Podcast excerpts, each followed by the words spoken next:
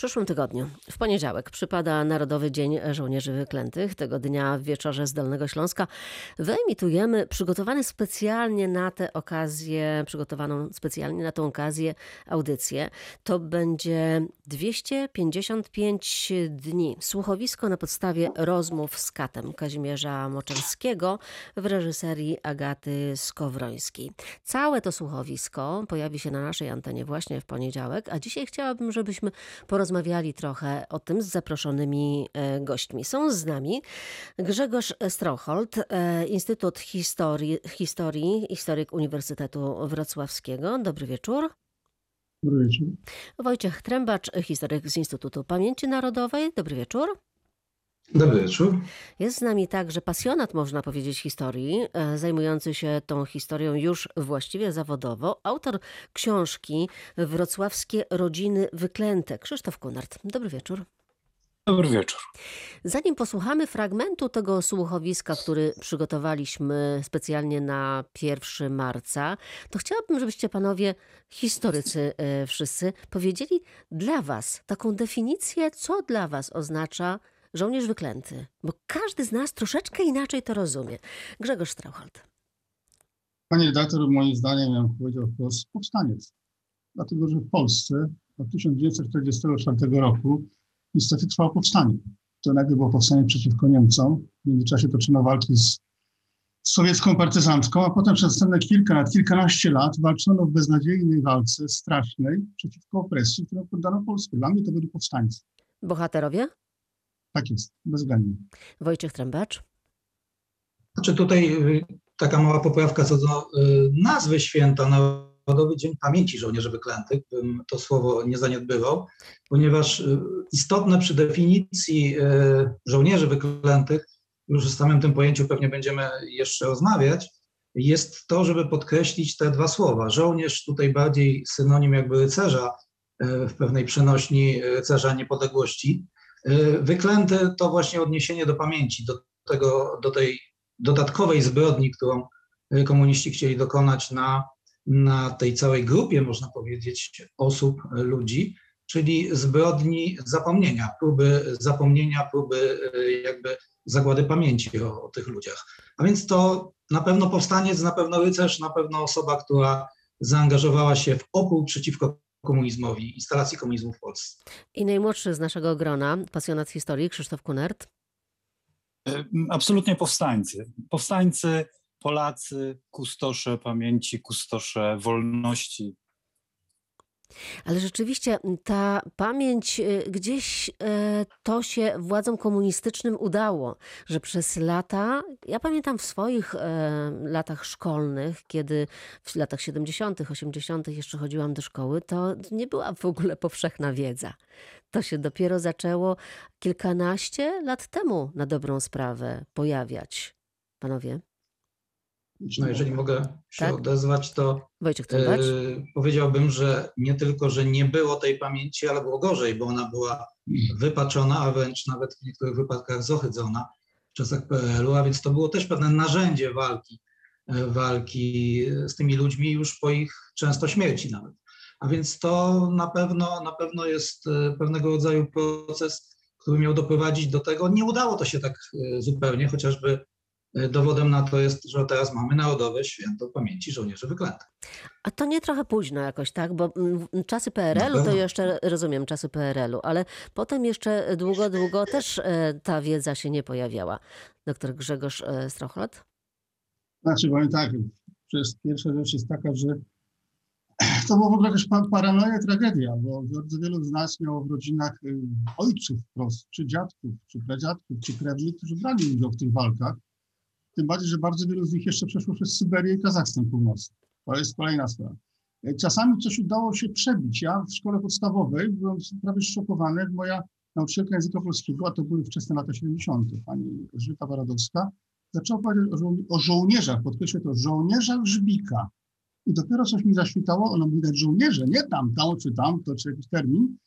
Natomiast, no cóż, niestety powoli będziemy oczywiście wchodzić też, proszę Państwa, współczesną politykę, bo przecież rzeczywiście kwestia tych tak zwanych żołnierzy wyklętych, czy to sformułowania tak zwanych, no to jest kwestia dopiero ostatnich kilku lat. A tak naprawdę to pierwsze kilkanaście lat e, Polski, która, jak to się ładnie mówi teraz, rozpoczęła proces transformacji, no bardzo dziwne sformułowanie, e, to niestety jakby dalej nie pamięta. No niby można było pisać, nie można było mówić, ale dalej nie pamięta. Ale z czego to wynikało? Bo to wydaje się, że no, historia, fakty, y, historycy, no, no przecież y, materiały były dostępne, świadkowie byli bardziej dostępni niż teraz. No nie chciałbym monopolować wypowiedzi, żeby monopolizować, no teraz jeszcze dwa zdania, powiem to tak. My jako historycy, również nasi koledzy historycy Instytutu Pamięci Narodowej robiliśmy dużo, pisaliśmy dużo i uczyliśmy studentów i słuchaczy, e, co mogli to robili nauczyciele, bardziej zainteresowani. Natomiast to było tak, jakąś ta sprawa się uklepała, no to skoro już można o tym mówić, to właściwie nie trzeba o tym dużo mówić, to wszystko jest, a jak ktoś jest bardzo zainteresowany, niech chce, niech chce poczyta. Nie Natomiast nie było tego mocnego uderzenia, które jest od kilku lat. Właśnie, y, Krzysztof Kunert, y, sprawa świadków. Ty y, mocno jakby mm, docierasz właśnie, skupiasz się na tym, żeby rozmawiać z tymi świadkami historii. Jest ich coraz mniej. Krzysztof? Jest ich e, coraz mniej. e, e, Słychać mnie, tak? Tak, tak, tak, tak. Halo, halo? Tak, słychać. Słyszymy? Mhm. No, Krzysztof Halo, się... halo, halo? Krzysztof słyszy, y, znaczy my Jest, słyszymy. jest, e, jest ich faktycznie. Faktycznie jest ich coraz mniej. Ci ludzie odchodzą. Mówimy o świadkach historii, mówimy o uczestnikach tego powstania, które miało miejsce m, po II wojnie światowej, które e, trwało m, no, wiele lat. E, m, Odchodzą już, tych osób prawie już nie ma, ale zaczęły odchodzić, odchodzą e, również e, właśnie ich bliscy. Nie mówimy o żonach, mówimy o dzieciach, e, które mm, partycypowały również e, w, w, w, tej działalności swoich e, rodziców, swoich ojców i ponosiły konsekwencje. I tych osób jest też coraz mniej, ale, ale one są. One są i e, można do nich dotrzeć. I to nie jest taki wielki kłopot. E, Dla chcącego nic trudnego. Mm, Większym problemem jest to, żeby namówić te osoby, aby zechciały mówić. Ponieważ, i tu wrócę do pani poprzedniego pytania, e, to, co się wydarzyło, dlaczego my wcześniej o tym nie słyszeliśmy, albo zaczęliśmy słyszeć o tym, nie wiem, od 10-15 lat, to jest coś w rodzaju wielkiej niesprawiedliwości, bo to była elita, która walczyła o polską wolność po II wojnie światowej. Kiedy wielcy tego świata się dogadali, kiedy Polska e, już e, poszła pod wpływy sowieckie, a, to byli ludzie, to byli Polacy walczący o wolność dla nas wszystkich, bo to było powstanie ogólnonarodowe, tak można powiedzieć. I druga rzecz, która mi przychodzi, i dlatego oni byli tak zwalczani, i dlatego ich dzieci były tak zwalczane. Komunizm y, tutaj nie e, zostawiał, e, nie zostawiał e, po prostu miejsca na to, żeby te osoby mogły jakkolwiek funkcjonować w społeczeństwie, ewentualnie gdzieś zupełnie na marginesie. I druga rzecz, która mi przychodzi do głowy, to, e, to kamienie wołać będą, jeśli my tej pamięci, gdzieś ta pamięć się po prostu zatraci. I faktycznie, nie wiem, czy e, Państwo historycy na pewno to wiecie, ale czy Państwo, nas słuchający, wiecie, co to jest wrocławska łączka? Wrocławska łączka, więc dwie kwatery, w, m, e, dwie kwatery cmentarza osobowickiego, gdzie pochowani są właśnie rzucani do grobów, e, e, e, grobów bezimiennych w latach 40. właśnie m, ci, którzy walczyli w ten czy w inny sposób o, o polską wolność. Do wrocławskiej łączki wrócimy jeszcze na pewno. Za kilka minut, za chwilę posłuchamy fragmentu tego słuchowiska, które będzie miało swoją premierę 1 marca w Radiu e, Wrocław, ale to za kilka minut. O żołnierzach wyklętych e, w wieczorze z Dolnego Śląska dzisiaj e, rozmawiamy. Zanim wrócimy do rozmowy z naszymi dzisiejszymi gośćmi, to chciałabym zaproponować Państwu fragment, fragment e, słuchowiska, które przygotowaliśmy na 1 marca, czyli na Narodowy Dzień Pamięci Żołnierzy Wyklętych. 255 dni. To słuchowisko na podstawie rozmów z Katem Kazimierza Moczarskiego w reżyserii Agaty Skowrońskiej. Teraz teraz fragmencik. Pozbawienie pomocy lekarskiej. Pozbawienie spaceru przez 6 lat i 3 miesiące. Pozbawienie kąpieli przez 2 lata i 10 miesięcy. Pozbawienie absolutne kontaktów z rodziną oraz ze światem zewnętrznym. Informacja o rzekomej śmierci małżonki.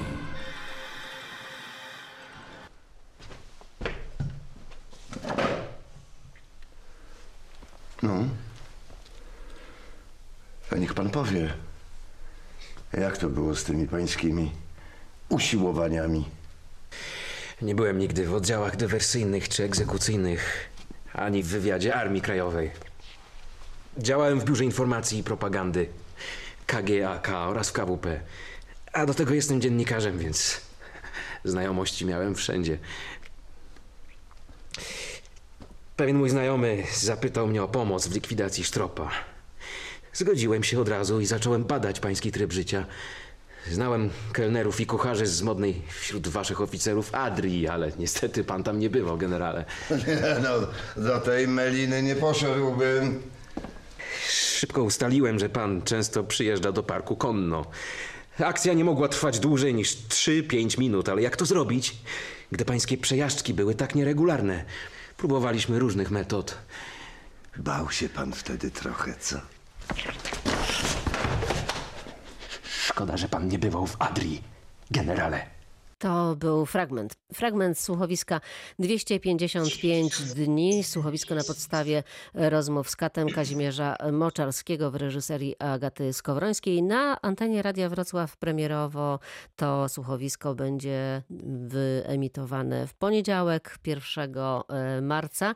A my teraz wracamy do rozmowy e, z gośćmi. Profesor Grzegorz Strauchold, e, historyk z Uniwersytetu Wrocławskiego, Wojciech e, Trębacz, historyk z Instytutu Pamięci Narodowej i Krzysztof Kunert, autor książki Wrocławskie Rodziny Wyklęte.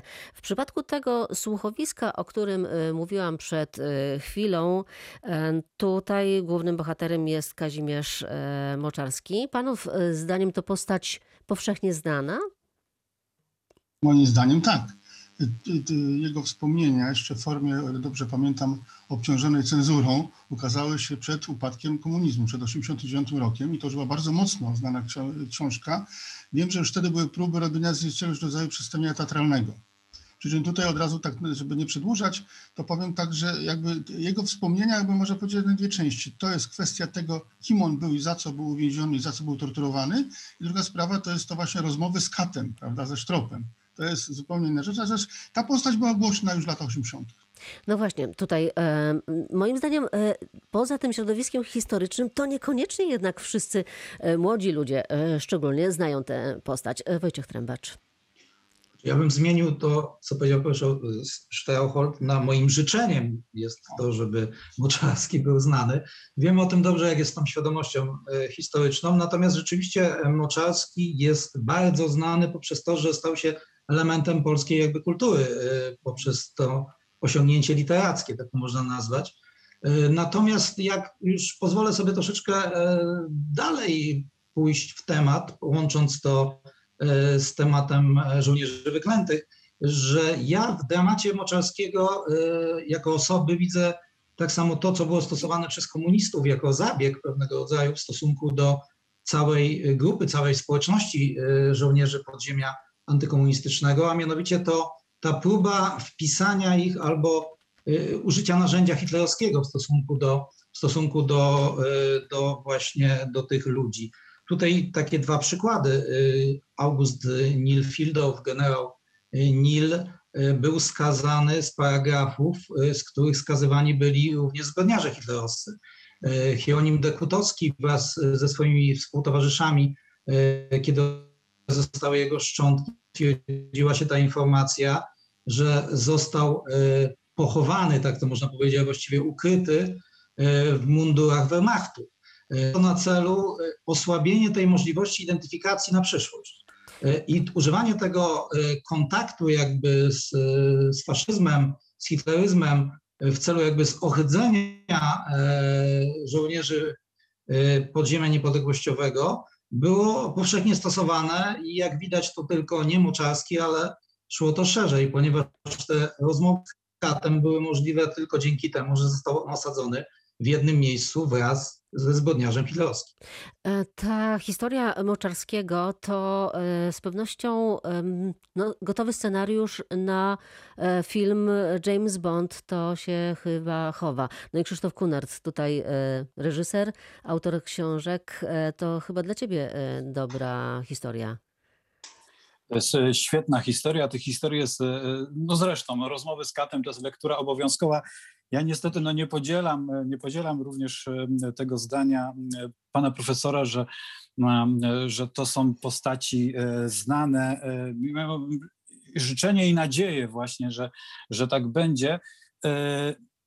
Wydaje mi się, że e, być może, mm, e, być może coś przegapiliśmy e, kilka lat temu, bo jeszcze 10 lat temu o żołnierzach wyklętych zaczynało się mówić coraz więcej i bardzo dużo młodzieży angażowało się w przeróżny sposób, w przeróżny, przeróżne działania, nie wiem, biegi, koncerty, takie, takim swoim językiem o, o tych bohaterach mówiło. Mam wrażenie, że ostatnie kilka lat ten temat jest w odwrocie, być może dlatego, że wmieszała się tutaj e, polityka i e, żołnierze wyklęci stali się tak jakby polityczni i w związku z tym, e, w związku z tym jakby młodzież już tego tak nie czuje. Ale wracając do pani pytania o tę historię. Mówimy o historii, dużej historii Kazimierza Moczarskiego, ale możemy mówić też o tych mniejszych historiach, albo inaczej, mniejszych, ale równie równie wielkich, naszych wrocławskich i zanim tematów do, zanim, jest tak, bardzo dużo. Zanim do nich przejdziemy, to jednak powiedzmy kilka słów o Moczarskim, skoro już e, mówimy o, o nich. O nim e, 11 sierpnia 1945 został aresztowany, e, w śledztwie torturowany i tutaj opisuje właśnie szczegółowo 49 rodzajów tortur, jakim e, go poddawano. Zresztą właśnie w tym słuchowisku, między innymi w tle są te e, rodzaje, wymyślne rodzaje tortur. E, skazany e, odsiadywał wyrok e, z kary śmierci, gdzie już nawet jak on został zamieniony na już nie karę śmierci, to nadal go nie poinformowano o tym. Zresztą no, różnego rodzaju tortury, na przykład też przekazanie informacji, że jego żona nie żyje, co też było nieprawdą. To, to jest historia, która rzeczywiście no, może być, może, może w łatwy, łatwy sposób y, no, zainteresować młodych ludzi. Tutaj nauczyciele mają ogromne pole do, do popisu. Profesor Grzegorz Strauchold. Ja tylko adwocem moich poprzedników dodam jeszcze, że proszę Państwa w latach 80. to ta znajomość osoby dziejów Moczarskiego była w tej sferze tak zwanej kultury wysokiej, bądźmy szczerzy. Też inne środki przekazu były zupełnie inne. Chciałem też przypomnieć, nie chcę nikogo obrażać niczyich poglądów, ale jeszcze ładnych parę lat temu w istocie nauczanie historii w szkołach średnich zostało zlikwidowane. Poza ścieżkami edukacyjnymi historia tego w ogóle nie było. A przecież ja też byłem nauczycielem w szkole już wiele lat temu. Wiem dobrze, że przeważnie nigdy nie mamy czasu na tak zwaną historię najnowszą. No trzeba to cały czas o tym pamiętać. Właśnie, nie, jakoś nie, nie nadążamy, nie dochodzimy do tego, do tego etapu. I to pozostaje już dla tych, którzy interesują się historią, którzy, którzy pasjonują się tym, a sobie właśnie do, doczytacie. Za chwilę o innych postaciach. Nam umknęła, jeżeli mogę tak? powiedzieć, jedna, jedna ważna rzecz przy Moczalskim, ponieważ mówimy o tym, że był skazany, torturowany, ale jednak nie padło. Za co według e, komunistów należały mu się takie represje? Otóż on był po prostu oficerem Armii Krajowej, wysokim właściwie e, oficerem, e, przywódcą e, tych działań bezpośrednich w kierownictwie Polski Podziemnej, a więc to było powodem tego, że został poddany tak mocnym, zdecydowanym represjom. A więc ta przynależność do Armii Krajowej, ta przynależność do kierownictwa Armii Krajowej decydowała o tym, że można było w Polsce tej nowej Polsce, w tych nowych realiach Polsce komunistycznej, być automatycznie wrogiem wrogiem, który był poddany represjom, nawet represjom w postaci kary śmierci. A więc też szalenie istotne, kiedy analizujemy takie postacie jak Moczarski i temu podobne. Co wiadomo e, dokładnie, e, jak on zachowywał się w tych, e, podczas tego, tego aresztowania? Panowie no, Jeżeli ja mogę powiedzieć, no tak. to po prostu te, te relacje e, są jakby w tym momencie o tyle niepotrzebne, że one one mogłyby nam dawać taki fałszywy obraz, że ktoś uległ jakiemuś albo złamaniu, albo osłabieniu swojej woli. Natomiast naprawdę oceny zachowań ludzi w więzieniach stalinowskich, tak jak również poprzednio w więzieniach e, niemieckich, hitlerowskich, e, musimy być bardzo ostrożni z tym, bo, bo to pytanie jest szalenie trudne i zachowanie pewnej godności i zachowanie, zachowanie człowieczeństwa w takich warunkach jest, jest po prostu elementarnie niemożliwe praktycznie rzecz biorąc. A więc po prostu te analizy można przekładać na wiele postaci, natomiast no, ważne jest to, y, z jakich powodów i w jaki sposób osoby zostały poddawane tak wysokim i tak niezwykle ostrym re- represjom. To jest szalenie istotne. Za chwilę przejdziemy do wyklętych e, tu z Dolnego Śląska, z Wrocławia. Mamy tutaj tą e, naszą łączkę właśnie, to miejsce, gdzie odkrywane są, odkryte już zostały właściwie e, szczątki osób tam pogrzebanych. Do rozmowy wracamy za kilka minut. W wieczorze z Dolnego Śląska wracamy do rozmowy z naszymi gośćmi, historykami. E, Przenieśmy się może na wrocławskie Osobowice, na cmentarz e, Osobowicki. E, Tam trwały prace ekshumacyjne. Czy one już zostały zakończone, czy nadal jeszcze szczątki osób tam pogrzebanych, represjonowanych są poszukiwane? Mm, Wojciech Trębacz może. Może dwa słowa. Tak. Mm, Najpierw musimy wrócić do tego, co Krzysztof Kunel określił jako e, wrocławską łączkę, wyjaśniając określenie łączka, które rzeczywiście stało się takim już słowem bardzo powszechnie używanym. E, Łączka to jest kwatera EU na e, powązkach wojskowych w Warszawie. Tam rzeczywiście e, pochowano około, pochowano, właściwie ukryto e, około 300 ofiar reżimu komunistycznego.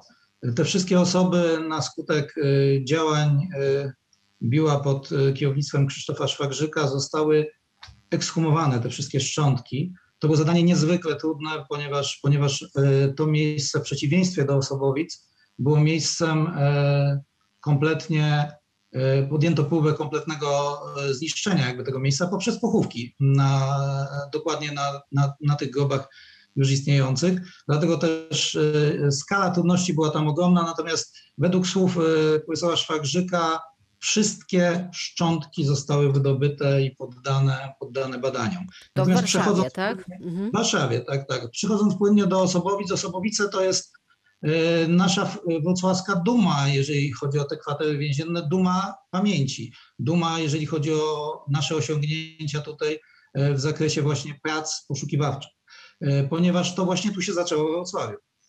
Na kwaterach 102, e, 81 i 120 obecnych, kwaterach cmentarza Osobowickiego, które od 1948 roku stały się stały się miejscem pochówków więziennych. Wcześniej chowano na różnych kwaterach cmentarza Osobowickiego, yy, na kilkunastu, nawet kilkudziesięciu kwaterach tego cmentarza.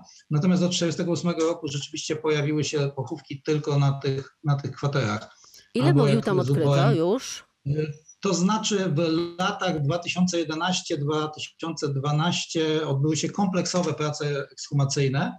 Yy, Instytut Pamięci Narodowej prowadził te prace i właściwie zostały te kwatery kompletnie, kompletnie przebadane. Wszystkie szczątki, wszystkie miejsca grobowe zostały, zostały oznaczone i zewidencjonowane. Kolejnym krokiem, e, kolejnym krokiem jest to, co się ma stać w tym roku, co mogę zapowiedzieć, e, czyli powstanie tam e, kwatery e, wojennej, kwatery więziennej, a właściwie kwatery pamięci z prawdziwego zdarzenia. Ale czy to E, znaczy, czyli że wszystkie tam, miejsca.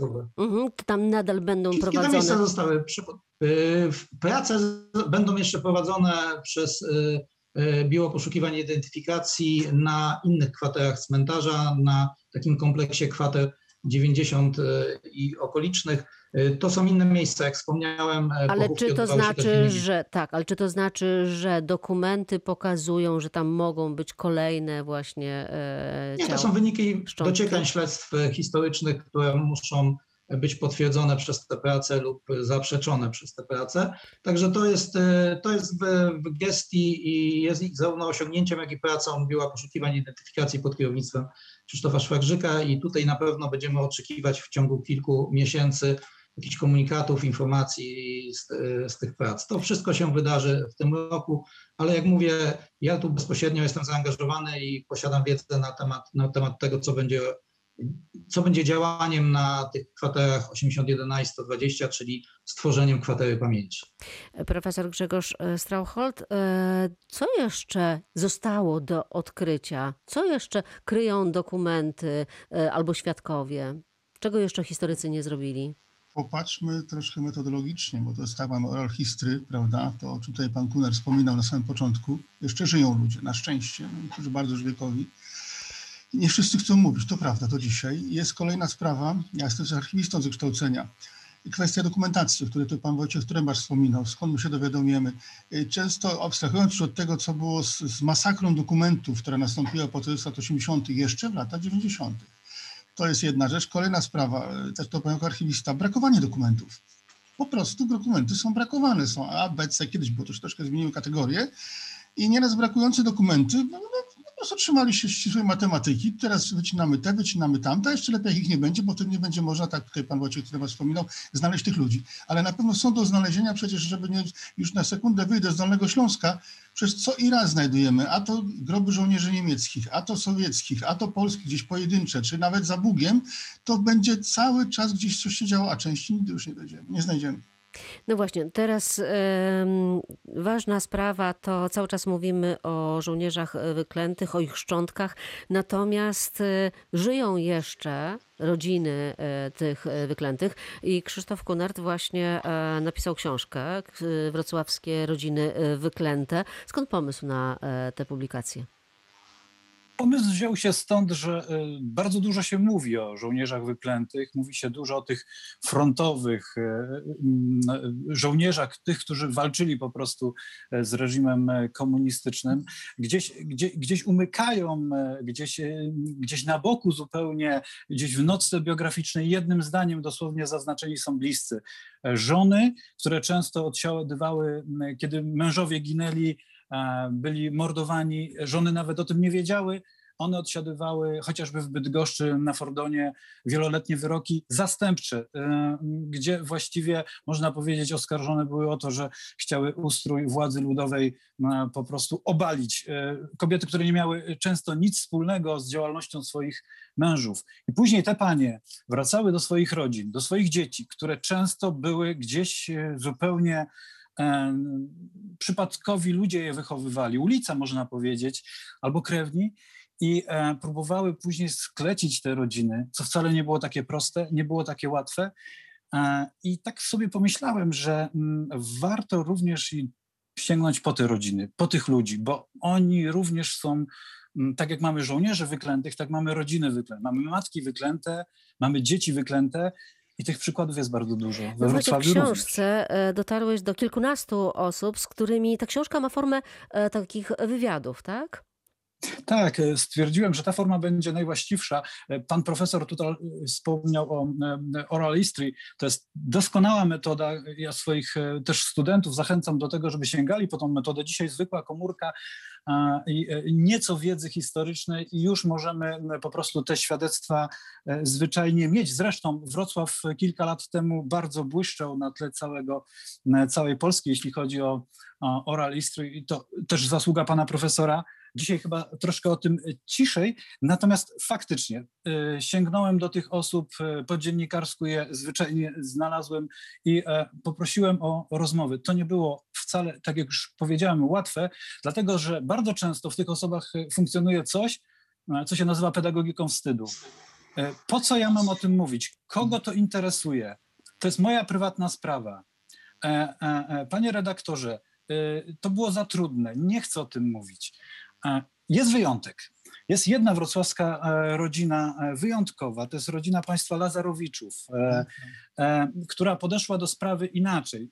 Wielka moc e, e, w- tej rodziny się okazała, no bo weźmy sobie najpierw dziadka Adama Lazarowicza, który jako młody chłopak poszedł bić się z bolszewikami pod Warszawą, potem AK, Las, partyzant, wyklęty. Skończyło się w warszawskim więzieniem na Mokotowie i śmiercią 1 marca 1951 roku i dzisiaj między innymi jakby to święto obchodzimy i również ten, ten, ten mord upamiętniamy. Weźmy sobie jego syna Zbyszka, który razem z ojcem w tych lascach walczył, a potem we Wrocławiu w latach 50., szanowni państwo, zbierał opieńki, bo rodzina była na cenzurowanym i tym karmił swoje, swoją mamę, swoje, mm, swoje rodzeństwo i swoje dzieci. I e, weźmy sobie jego syna z kolei, Romka Lazarowicza, świętej pamięci, czyli osoby znaczącej dla wrocławskiej Solidarności. Każdy z nich działał w swoim czasie, a, natomiast jest tu niesamowita sztafeta pokoleń i oni przeciwstawili się komunie bardzo silnie, jednoznacznie, rodzinnie i mocno. Ta książka, przepraszam, jest dla e, historyków, czy dla e, studentów, dla uczniów, e, dla po prostu wszystkich, którzy interesują się historią? Do kogo adresujesz ją?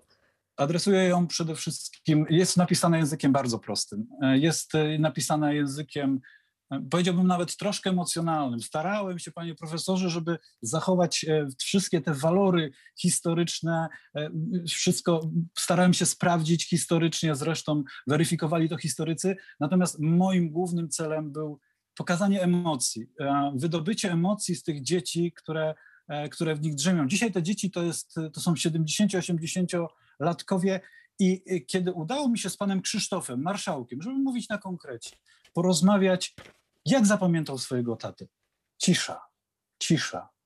A co pan zapamiętał? fragmentu, tak, słuchałam fragmentu też e, rozmowy twojej z jedną z bohaterek. Ona opowiadała o tym, jak e, właściwie nie znała swojego ojca, jak gdzieś tam w lesie go spotkała jako mała dziewczynka. Książka, To są, to, tak, są, to są absolutne fragmenty. Tak. Absolutnie fragmenty Książka pamięci. już wydrukowana, ale jeszcze w księgarniach jej nie ma. Za e, lada chwila e, pewnie e, będzie dostępna.